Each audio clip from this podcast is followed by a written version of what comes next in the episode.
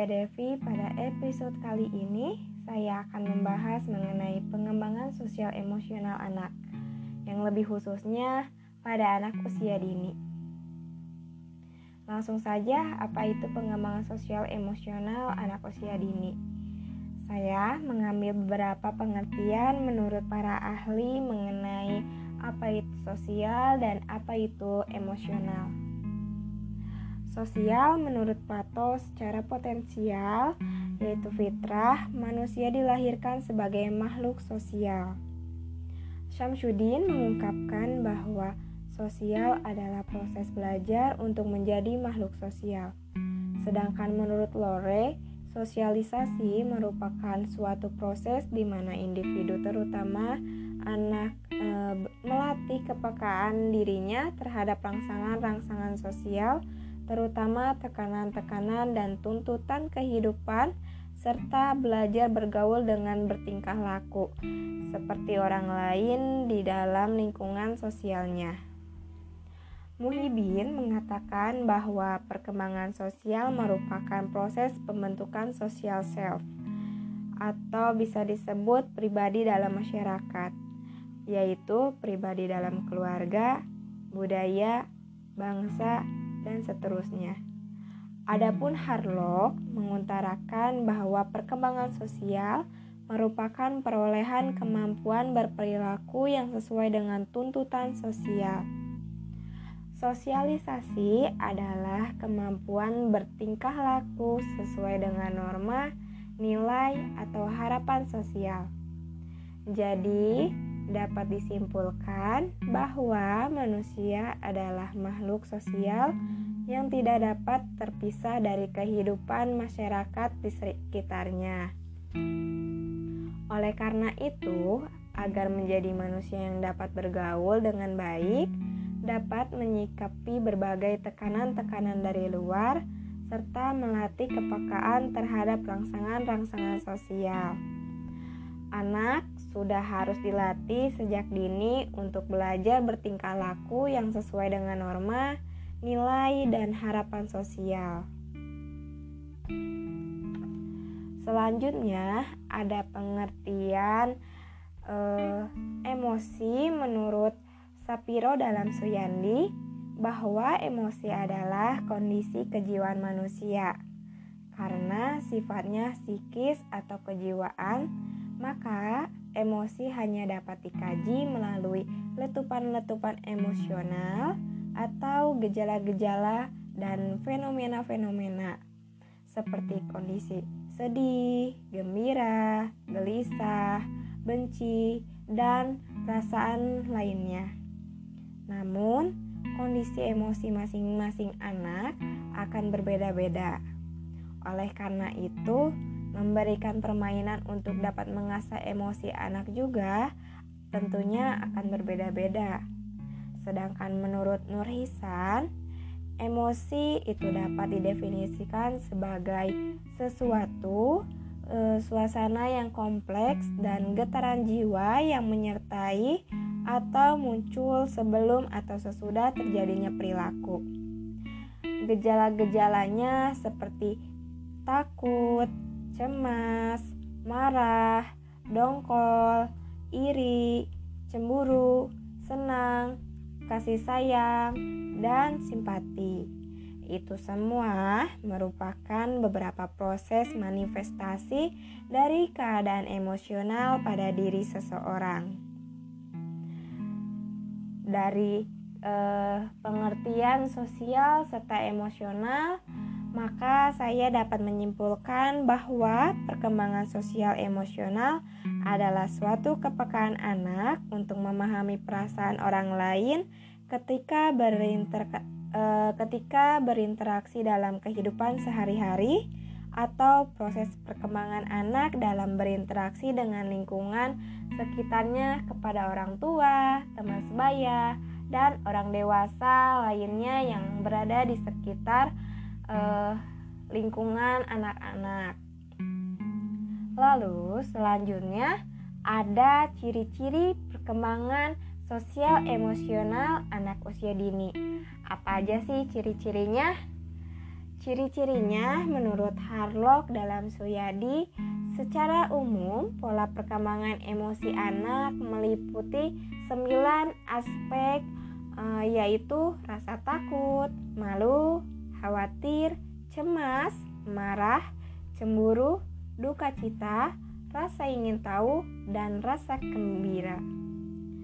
Perkembangan sosial dan emosional meliputi kemampuan komunikasi, memahami diri sendiri dengan orang lain, kemampuan untuk mengendalikan emosi atau perasaan, bersimpati dan berempati terhadap orang lain, membangun interaksi sosial yang hangat dan berkualitas dengan orang lain serta mampu menunjukkan sikap dan perilaku yang penuh penghargaan terhadap diri sendiri dan orang lain, serta sesuai dengan aturan masyarakat di sekitarnya. Apakah pengembangan sosial emosional ini uh, perlu dikembangkan uh, terhadap anak uh, sejak dini? Tentunya perlu. Kenapa? Karena saya memiliki beberapa alasan. Yang pertama, kompleksitas kehidupan yang dihadapi anak, di mana dinamika kehidupan, perkembangan zaman, termasuk perkembangan dan kemajuan ilmu pengetahuan, teknologi, dan seni, tidak seluruhnya membawa kehidupan ini menjadi lebih teratur, tentram, damai, dan bahagia. Malah, kondisi tersebut menjadikan kehidupan ini semakin sulit untuk didiami, dikendalikan, dan dinikmati. Aspek sosial emosional membutuhkan bantuan dan program yang sesuai dengan kebutuhannya. Sesuai dengan e, berdasarkan hasil-hasil penelitian terhadap perilaku dan sikap sosial emosional anak.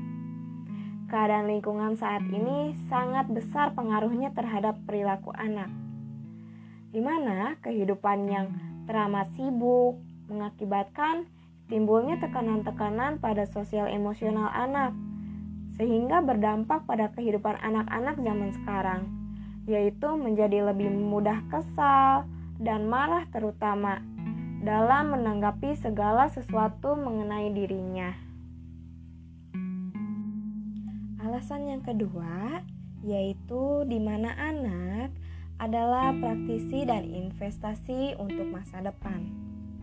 Yang perlu kita sadari bahwa sangat penting untuk mengembangkan sosial emosional anak sejak dini. Karena anak merupakan praktisi masa depan yang mana anak akan mengisi baik atau buruknya untuk hari yang akan datang, baik hari esok, hari lusa, dan hari selanjutnya yang akan dihadapi oleh anak. Karena kegagalan dalam memberikan pembinaan, pendidikan, pengasuhan, dan perlakuan merupakan bencana bagi kehidupan anak di kemudian hari. Untuk alasan yang ketiga, fase strategis pendidikan dan pengembangan anak, yaitu di mana uh, bayi uh, baru lahir uh, yang sel-sel otaknya itu terus berkembang secara luar biasa. Dengan membuat sambungan-sambungan antara sel dan yang akan berproses dan membentuk pengalaman yang akan anak bawa selama seumur hidupnya dan Seterusnya ada alasan yang keempat, yaitu upaya mengimbangi pandangan tentang keunggulan IQ dibanding EQ. Karena kecerdasan akademis sedikit kaitannya dengan kehidupan emosi. Yang secara umum kecerdasan akademis atau IQ e, eh, relatif dipengaruhi oleh faktor bawaan Sedangkan kecerdasan emosi atau A e, dapat tumbuh dan berkembang seumur hidup dengan proses belajar. Orang dengan IQ tinggi dapat menjadi pilot yang tidak cakap dalam kehidupan pribadi yang bersangkutan akan memiliki dampak dalam kehidupannya.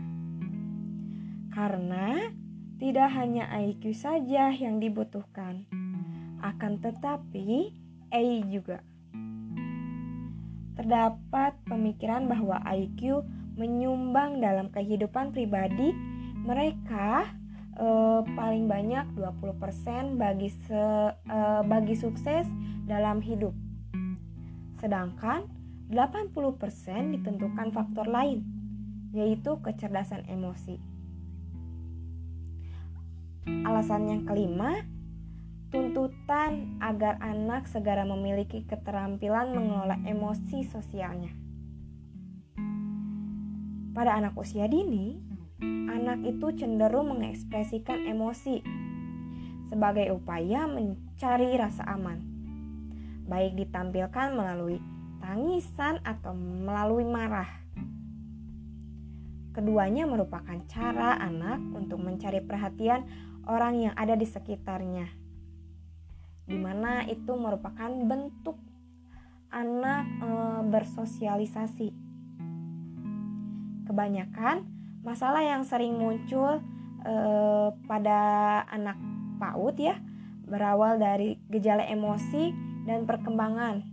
Eh, yang perkembangan ini eh, masih bisa disebut masih minim yang mana anak itu harus diberikan pembekalan yang memadai tentang pengelolaan emosi pada setiap anak eh, agar dapat memenuhi tuntutan penyesuaian diri dari lingkungannya, baik lingkungan keluarga, sekolah, maupun teman bermainnya atau teman sebaya.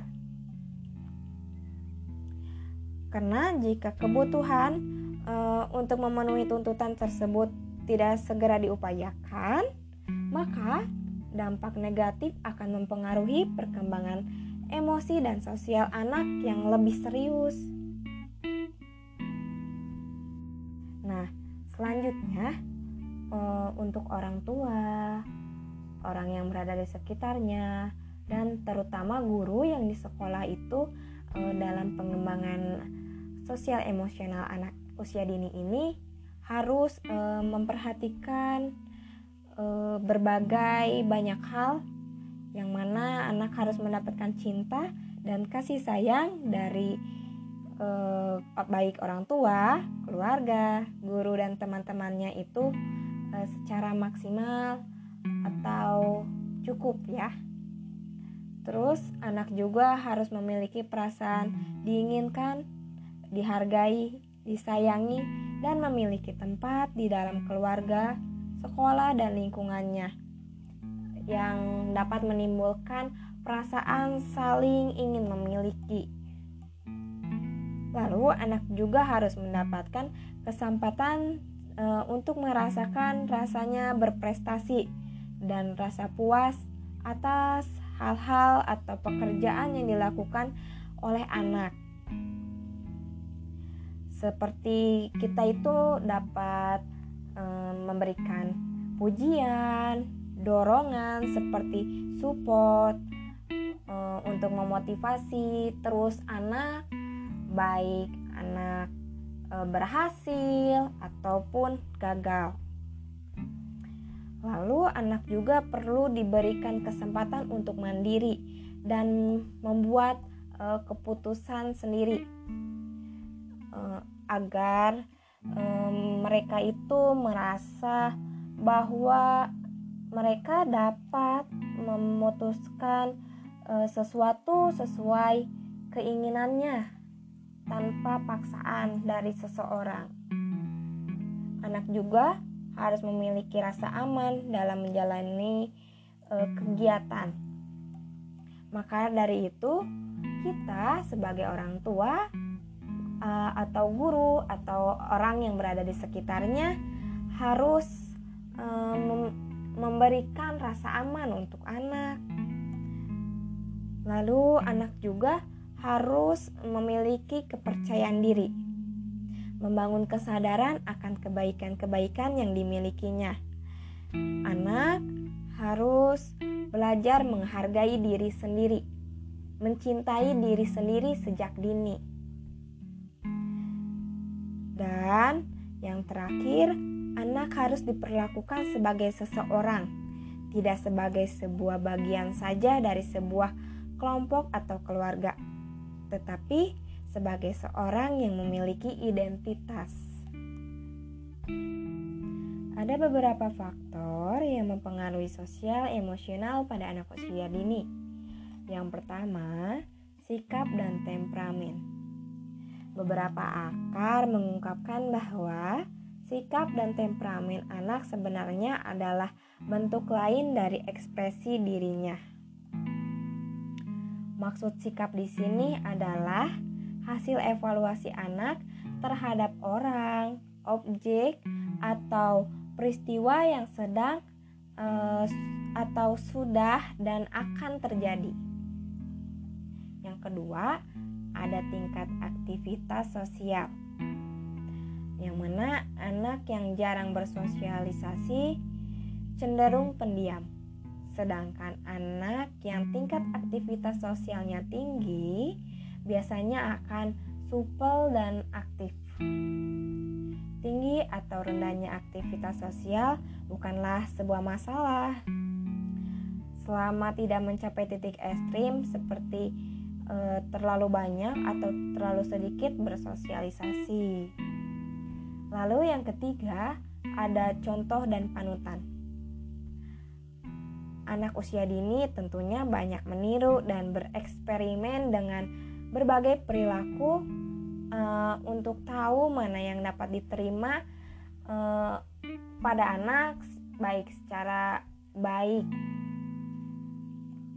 bagi anak yang masih melakukan imitasi atau meniru ya uh, dalam proses pencarian jati dirinya pengaruh orang tua dan orang di sekitarnya itu sangat besar dan sangat berpengaruh dalam pengembangan ini. Nah, ada juga nih faktor-faktor yang mempengaruhi perkembangan, yaitu adanya hereditas atau keturunan, yang mana hereditas itu merupakan totalitas karakteristik individu yang diwariskan oleh orang tua kepada anaknya atau segala potensi baik fisik maupun psik, uh, maupun psikis gitu ya uh, hereditas atau keturunan ini merupakan aspek individu yang bersifat bawaan dan memiliki potensi untuk berkembang. Seberapa jauhnya perkembangan tergantungan uh, dari kualitas hereditas dan juga lingkungannya. Nah, yang kedua itu ya lingkungan karena lingkungan merupakan faktor yang penting di samping hereditas, seperti lingkungan keluarga, karena keluarga memiliki peran yang sangat penting dalam upaya pengembangan e, pribadi anak sendiri, ya, tentunya. Perawatan orang tua yang penuh kasih sayang dan pendidikan tentang nilai-nilai kehidupan baik agama atau sosial budaya yang diberikan itu merupakan e, faktor yang kondusif untuk mempersiapkan anak untuk menjadi pribadi dan anggota masyarakat yang baik. Yang ketiga, e, faktor kelas sosial atau status ekonomi. Karena e, anak dapat membanding-bandingkan uh, kelas menengah dan kelas atas, baik pekerja yang hasilnya menunjukkan bahwa orang tuanya kelas bawah atau pekerja yang cenderung sangat menekankan kepatuhan dan respek terhadap otoritas lebih keras dengan uh, maksudnya lebih keras dan otoriter, kurang memberikan alasan kepada anak, kurang bersikap hangat dan memberikan kasih sayang terhadap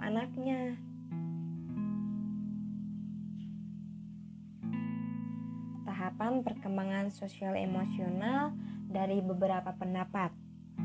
Di sini saya mengambil eh, tahapan perkembangan menurut Aristoteles dalam Nana Shaudi eh, bahwa tahapan perkembangan sosial emosional ini terdiri dari empat, yaitu masa kanak-kanak yang mana anak e, dari 0 bulan sampai 7 tahun dan yang kedua masa anak 7 tahun sampai 14 tahun yang ketiga masa remaja 14 sampai 21 tahun dan yang keempat masa dewasa. Sedangkan tahap perkembangan sosial emosional menurut Donald B. Helms dan Jeffrey S. Turner bahwa perkembangan sosial ada masa prenatal atau sebelum lahir dari masa konsepsi sampai lahir eh, bayi 0 sampai 2 tahun kanak-kanak 2 sampai 3 tahun eh, anak kecil dari 3 tahun sampai 5 tahun dan masa anak 6 sampai 12 tahun selanjutnya remaja 12 sampai 19 tahun dewasa muda 19 sampai 30 tahun dewasa 30 sampai 65 tahun dan usia lanjut 65 tahun eh, ke atas ya. Sedangkan menurut Hildayani dan kawan-kawan dalam Herter, bahwa tahap perkembangan sosial emosional dapat dibagi menjadi tiga tahap, yaitu yang pertama, pernyataan tentang diri. Pada tahap ini, pernyataan yang dibuat anak merupakan satu dimensi yang terpisah-pisah, jadi pemikiran anak melompat dari ide khusus ke ide khusus lainnya tanpa ada hubungan yang logis. Yang kedua, tahap representasional mapping. E, pada tahap ini, e, anak itu mulai menghubungkan satu aspek dengan aspek yang lain dalam dirinya. Bagaimanapun hubungan logis yang dibuat antara bagian-bagian dari gambaran dirinya masih dieks, e, masih diekspresikan dalam cara yang sepenuhnya positif dan bersifat hitam putih ya. Lalu yang ketiga itu adanya tahap representasional sistem. E, pada tahap ini anak udah beranjak pada usia sekolah e, yang mana anak-anak itu mulai mengintegrasikan ciri-ciri khusus dari ide e, dari diri ke dalam konsep yang umum dan multimen, e, multidimensional penggambaran diri secara hitam putih uh, itu menurun dan deskripsi diri yang menjadi meningkat atau matang. Nah, dari beberapa penjelasan tadi, mungkin ada yang bertanya-tanya bahwa mana sih yang uh, sangat penting perannya uh, lingkungan mana gitu ya yang berpengaruh dalam pengembangan sosial emosional ini. Menurut saya, eh, lingkungan yang paling utama dan paling penting dalam pengembangan sosial emosional ini dari ketiga lingkungan, baik lingkungan keluarga, lingkungan sekolah, eh, dan lingkungan sekitarnya, yaitu lingkungan keluarga karena e, peranan lingkungan keluarga itu ya merupakan salah satu pilar dalam tri pusat pendidikan. Lingkungan keluarga adalah pilar utama untuk membentuk baik buruknya pribadi manusia. Karena agar berkembang dengan baik dalam beretika, moral, dan akhlaknya. Peran keluarga dapat membentuk pola sikap dan pribadi anak, juga dapat menentukan proses pendidikan yang diperoleh anak. Tidak hanya di sekolah, akan tetapi semua faktor bisa dijadikan sumber pendidikan. keluarga bagi seorang anak merupakan lembaga pendidikan nonformal yang utama dan pertama di mana mereka hidup, berkembang, dan matang. Di dalam sebuah keluarga, seorang anak pertama kali diajarkan pada pendidikan dari pendidikan dalam keluarga tersebutlah anak mendapatkan pengalaman, kebiasaan, keterampilan, berbagai sikap, dan bermacam-macam ilmu pengetahuan. Nah, lalu kenapa sih harus peran keluarga gitu ya yang utama dan pertama dalam pengembangan sosial emosional anak ini? Ya karena dalam pengembangan e, sosial anak ya, keluarga itu dapat memberikan tingkat kepercayaan diri gitu kepada anaknya dalam ruang gerak untuk mendekati eh, atau beraktualisasi dengan teman sebayanya atau orang yang berada di sekitarnya gitu ya. E, peran pendidikan sosial ini juga bisa diberikan keluarga saat orang tua itu dapat meluangkan waktunya. Dan orang tua juga dapat e, memfasilitasi anaknya dengan memberikan tempat bermain gitu ya. Lalu selanjutnya itu e, dalam peran keluarga untuk perkembangan sosial anak itu ya ketika pertumbuhan anak mencapai keinginan untuk mencari tahu sesuatu maka di situlah peran orang tua dalam perkembangan pemikiran anak Rangsangan pemikiran anak untuk ingin mengetahui segala sesuatu yang ada di sekitarnya itu, maka akan membuat e, anak untuk bebas melakukan sesuai yang dicontohnya dan sesuai dengan eksplorasi e, pemikiran anak gitu ya. Lalu yang selanjutnya itu peran keluarga dalam perkembangan kreativitas.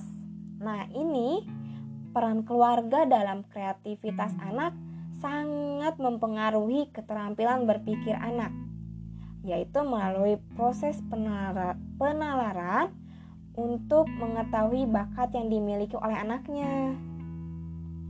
Intervensi pola pembinaan kepada anak dapat meningkatkan daya pikir dan perkembangan e, potensi.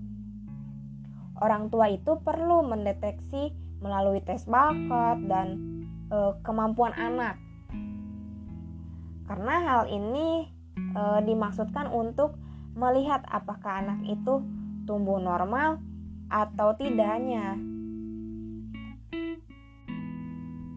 Nah, lalu selanjutnya itu ya, perkembangan sosial anak itu memiliki memiliki konteks e, dari temannya. Yang mana secara garis besar teman sebaya berguna untuk perkembangan bersosialisasi kematangan emosi, melatih komunikasi, memperkaya pengalaman, belajar hal-hal baru, dan bisa menyampaikan apa yang anak inginkan.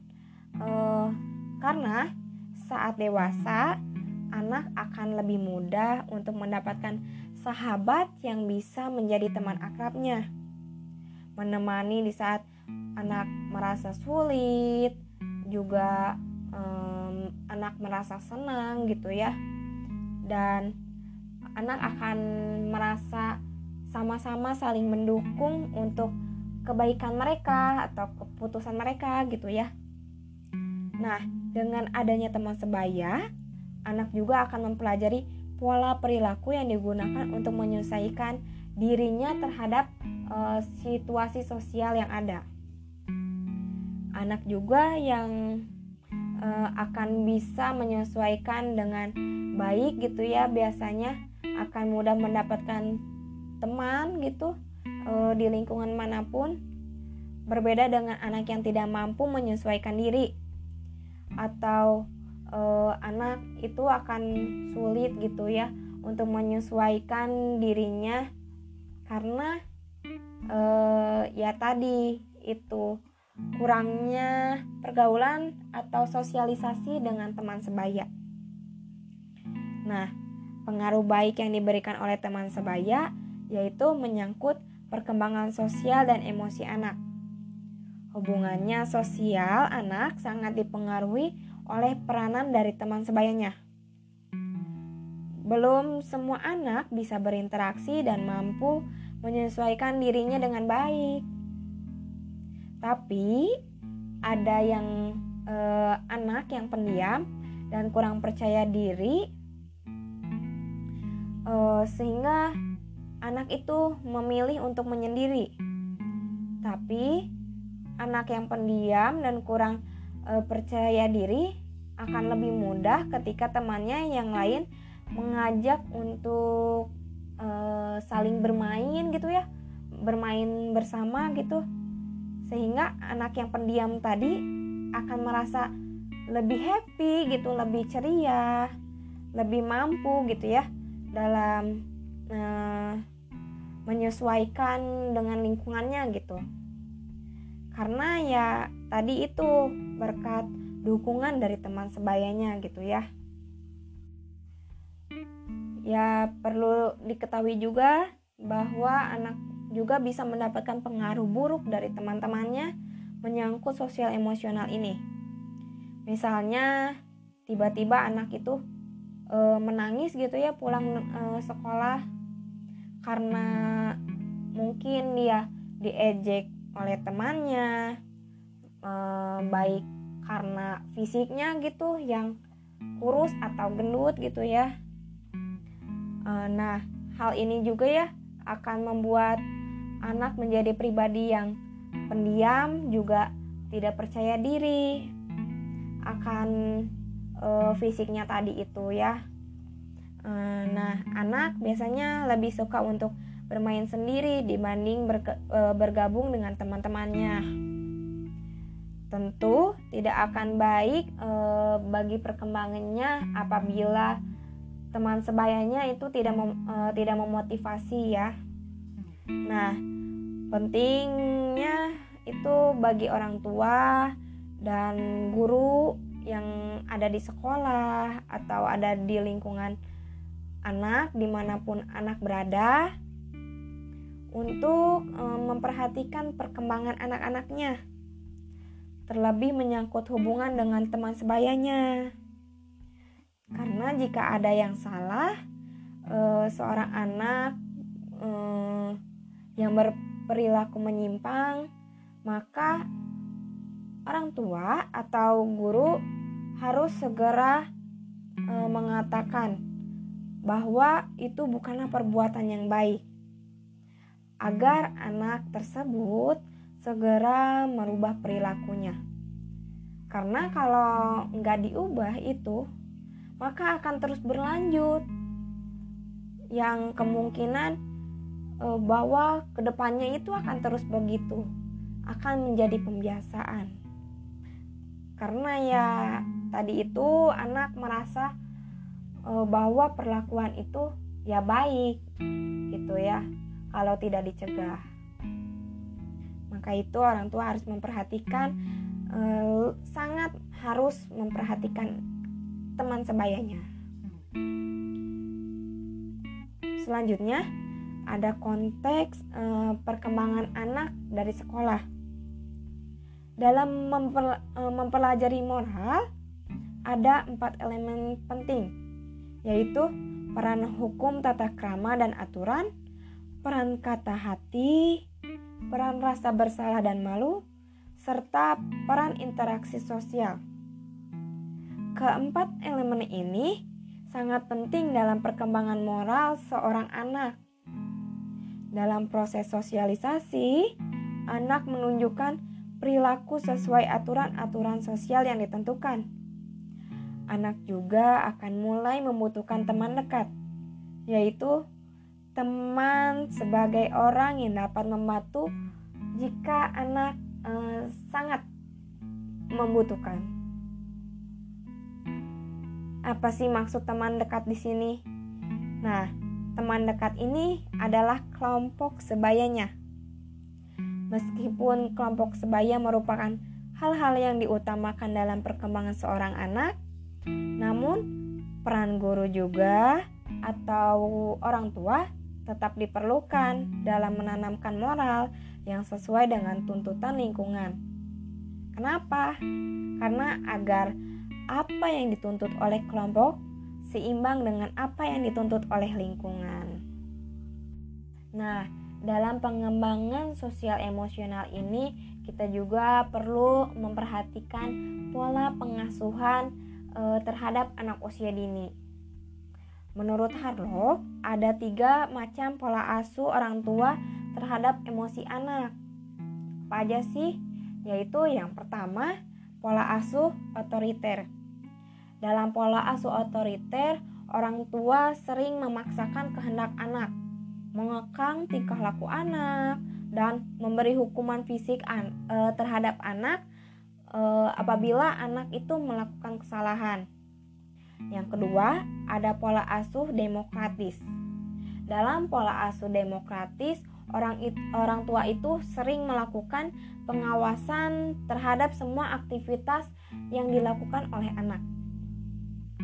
Dan yang ketiga, ada pola asuh permisif.